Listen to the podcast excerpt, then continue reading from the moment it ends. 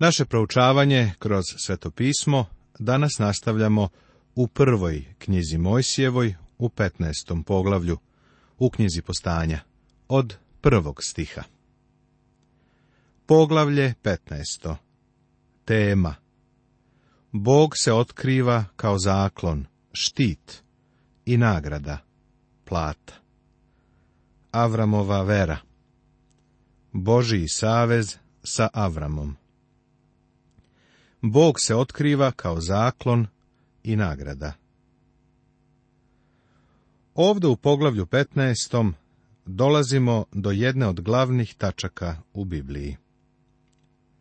Posle ovih stvari dođe Avramu reč gospodnja u utvari govoreći Ne boj se Avrame, ja sam ti štit i plata je tvoja vrlo velika. Ovo se već četvrti put Bog javio Avramu.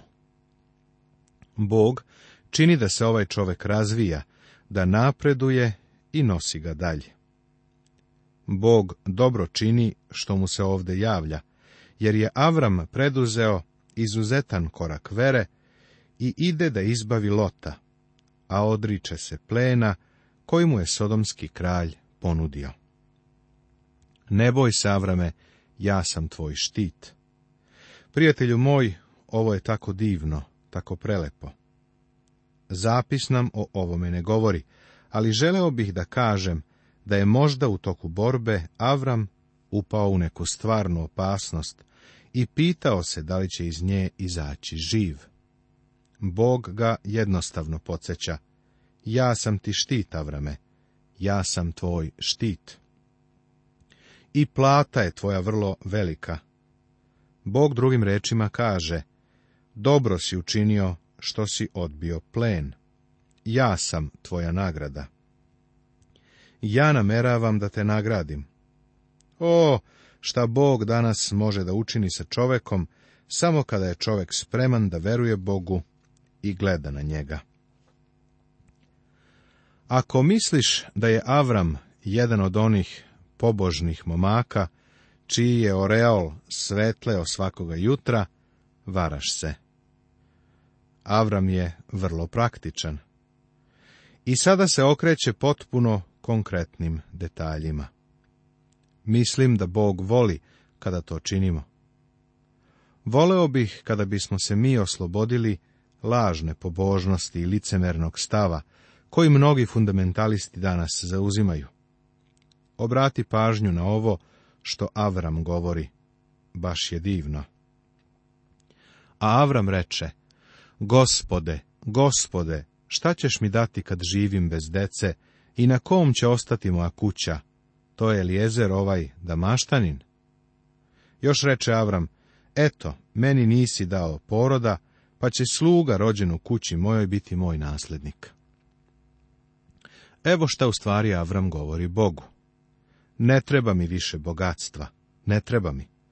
Ono što leži na mome srcu jeste da sam bez dece i želim sina. Obećao si da ćeš me učiniti ocem mnogih naroda i da će moje potomstvo biti nebrojeno, kao pesak na moru, ali ja nemam čak ni jedno dete. Na osnovu ondašnjeg zakona, Hamurabskog zakona, Elijezer, njegov upravitelj, koji je imao potomke, nasledio bi Avramovo imanje, ako Avram ne bi imao decu. A gle, gospod mu progovori, neće taj biti naslednik tvoj, nego koji će izaći od tebe, taj će ti biti naslednik. Bog je veoma praktičan, kada je čovek prema njemu praktičan. On kaže, daću ti sina, Avrame, daću ti sina. Bog sada uzima Avrama za ruku i izvodi ga u noći pa ga izvede napolje i reče mu, pogledaj na nebo i prebroj zvezde, ako ih možeš prebrojiti, i reče mu, tako će biti seme tvoje. Ovo je divno. Prvo mu Bog kaže da će njegovog potomstva biti bezbroj, kao peska na moru, a sada mu kaže da će ga biti bezbroj, kao zvezda na nebu. Avram nije mogao da izbroji zvezde. Video ih je otprilike četiri hiljade, ali je verovatno bilo više od 50.000 hiljada zvezda samo u toj oblasti gdje je on gledao. Avram nije mogao da izbroji svoje potomstvo, a ne možeš ni ti danas. Ovaj čovek Avram u stvari ima dva semena. Ima fizičko seme, narod Izraela, a ima i duhovno seme, crkvu. Kako je crkva postala Avramovo duhovno seme? Verom. Apostol Pavle je rekao Galatima da su Avramovi sinovi verom u Isusa Hrista, ne znači dakle prirodnom rodbinskom linijom, nego duhovnim semenom. O ovome pročitajte u poslanici Galatima Svetoga pisma Novog Zaveta u trećem poglavlju 29. stih. Imao sam tu privilegiju da pre mnogo godina razgovaram sa grupom vrlo finih mladih jevreja u Nešvilu u Sjedinjenim državama. Neke od njih sam poznavao i pre nego što sam doživeo spasenje i bio sam vrlo blizak prijatelj sa njima. Razgovarao sam o veličini Mojsijevog zakona i rekao sam im da je ispunjenje tog zakona u Isusu Hristu. Počeo sam da im govorim o tome kako mi je drago što mogu sa njima da razgovaram, jer sam znao da su oni Avramovo potomstvo. Ali, kada sam im rekao da sam i ja Avramov sin, zapanjeno su gledali jedan drugoga. Onda sam im objasnio kako sam to Avramov sin. U Božje obećanje uključena su oba ova semena. Ovo je divna istina. Avramova vera I poverova Avram Bogu i on mu primi to u pravdu. Ovo je jedna od najvećih izjava u Svetom pismu. I poverova Avram Bogu. Ovo znači da je Avram Bogu rekao Amin. Bog je kazao, ovo ću učiniti za tebe a Avram kaže gospodu, verujem ti, amin, verujem ti. Ovo mu se uračunalo u pravdu. Apostol Pavle o ovome govori u poslanici Rimljanima Svetoga pisma Novog Zaveta. Šta ćemo dakle reći da je naš po telu praotac Avram postigao? Ako je naime Avram opravdan na osnovu svojih dela, može da se hvali, ali ne pred Bogom. Jer šta kaže pismo? Avram je poverovao Bogu i to mu je uračunato u pravednost. A onome koji radi, plata se ne računa po milosti, nego po dugu. Onome pak koji ne radi, a veruje u onoga koji opravdava bezbožnika, njegova vera se uračunava u pravednost. Četvrto poglavlje od prvog do petog stiha poslani se Rimljanima svetoga pisma Novoga Zaveta. Šta ćemo dakle reći da je naš po telu praotac Avram postigao? Ili šta je Avram pronašao što pripada telu? Mislim da nagrada bolje objašnjava smisao. Jer šta kaže pismo? Avram je poverovao Bogu i to mu je uračunato kao pravednost. Jer to je nešto što nije bilo, ali ga je Bog kao takvo uračunao. A onome koji radi, plata se ne računa po milosti, nego po dugu. Ako radiš za svoje spasenje, onda ti Bog za to duguje. Ali, prijatelju, Bog nikada ne spasava ni na koji drugi način osim blagodaću. On nikada nije imao nikakav drugi metod spasavanja. Iako ti ikada doživiš spasenje, bit će to zato što si poverovao Bogu. Prihvatio si Hrista kao svog spasitelja i što si uzverovao da je Bog za tebe obezbedio spasenje. Onome pak koji ne radi, a veruje u onoga koji opravdava bezbožnika, kakva je to vrsta ljudi? To su bezbožni ljudi. Njegova vera se uračunava u pravednost. Njegova vera se uračunava u ono što nije, a to je pravednost. Abram je jednostavno poverovao Bogu. On je prihvatio ono što je Bog rekao i poverovao je u to. Tako i zato ti bivaš spasen. Veruješ da je Bog nešto učinio za tebe, da je Hristos umro za tebe i ponovo ustao iz mrtvih. Bog će te proglasiti pravednim ako jednostavno prihvatiš Hrista. U trećem poglavlju poslanice Galatima Svetog pisma Novoga Zaveta nalazimo ovu istu veliku istinu. Kao što je i Avram poverovao Bogu i uračuna mu se u pravednost. Poznajte dakle da su Avramovi sinovi oni koji su od vere.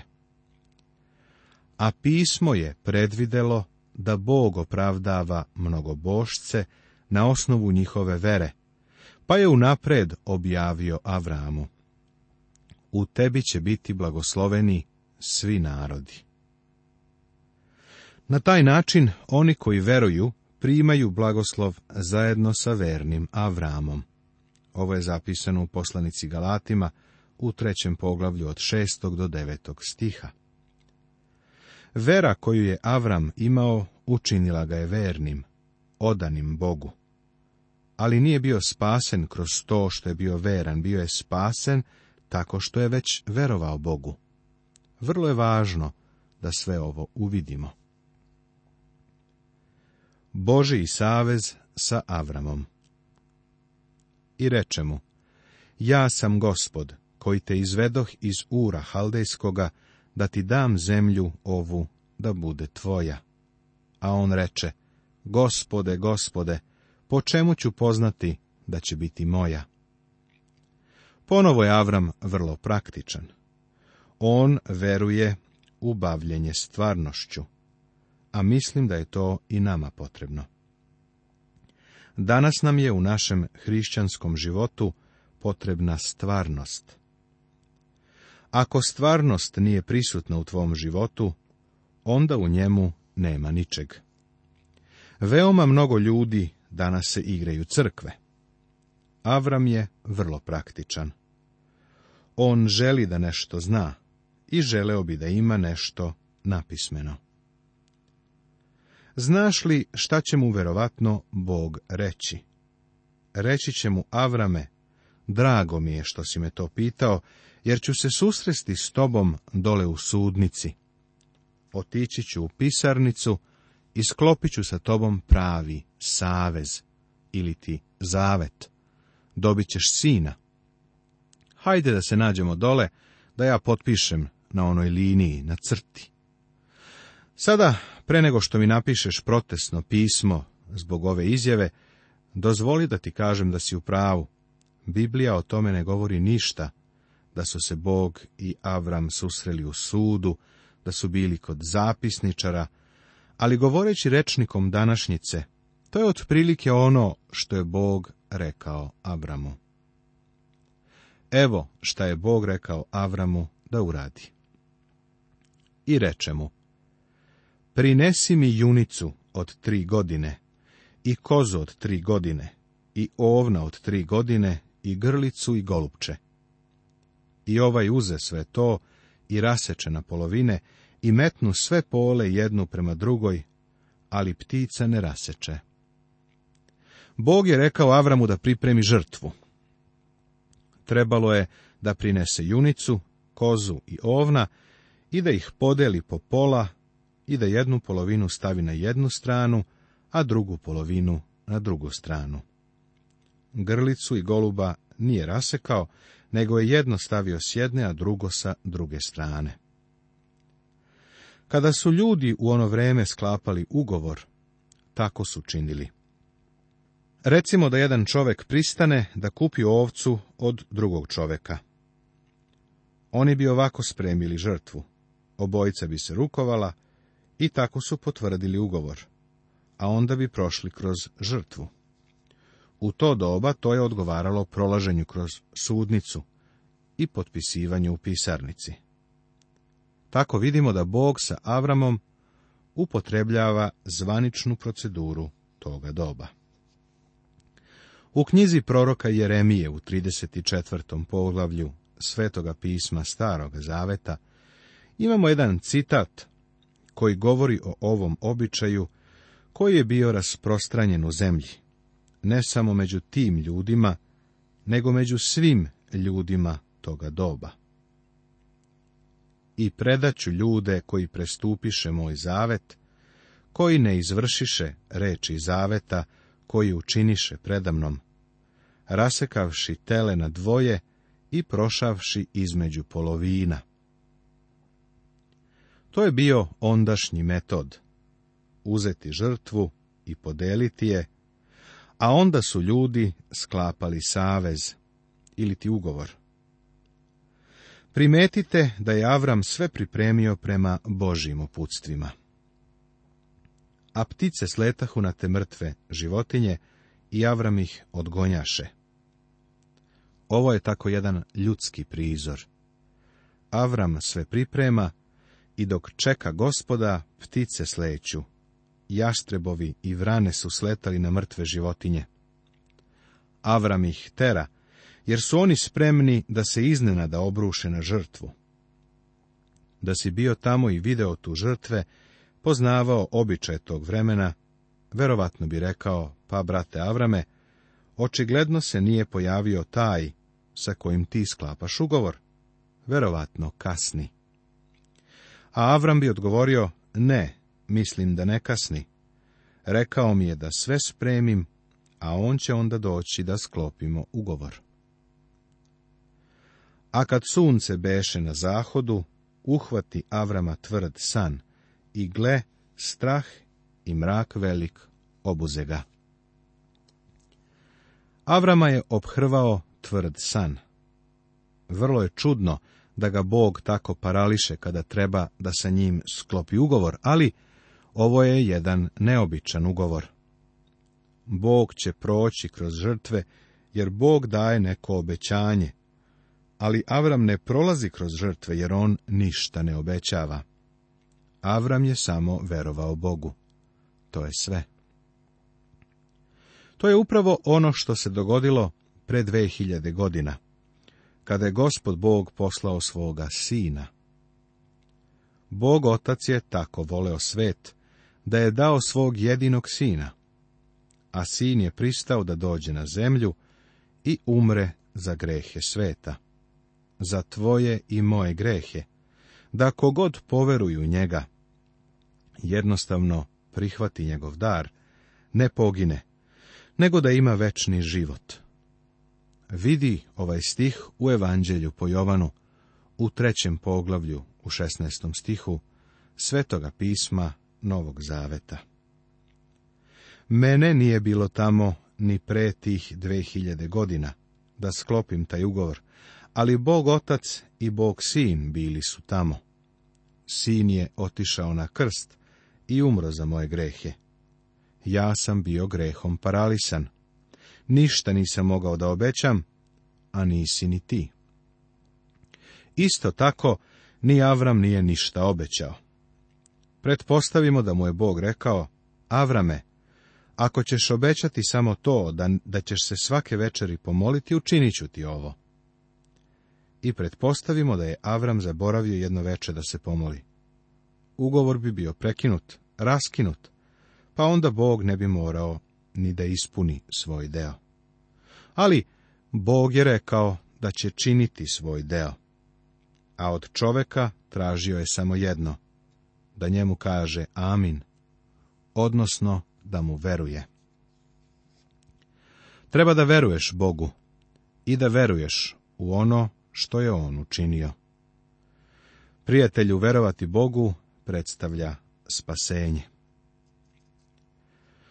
Pre više godina bila je jedna draga majka, škotlanđanka, čiji je sin otišao na fakultet u Glasgow u Velikoj Britaniji i odande se vratio kao nevernik. Ona je razgovarala sa sinom i rekla mu koliko je Bog divan i da je ona sigurna u svoje spasenje. Sin je postao skeptičan, a i malo je provocirao.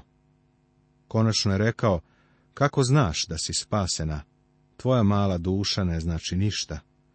I počeo je da je upoređuje sa beskrajem svemira.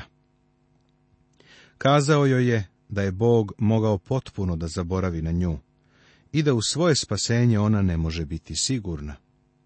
Ona ništa nije rekla, samo je nastavila da sinu služi doručak. Konačno, kada je završila, sela je sa njim i kazala.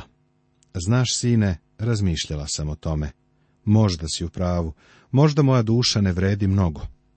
Možda će me u beskraju Božijeg svemira Bog mimo ići. Ali ako me ne spase, on će izgubiti više od mene. Ja ću izgubiti samo svoju malu, nevažnu dušu, ali on će izgubiti ugled, jer je obećao da će me spasti. Složio se. Pristao je da to učini. Da kogod poveruje u njega ne pogine, nego da ima život večni. Bog je prošao kroz to. Bog je sklopio ugovor. Nastavit će se.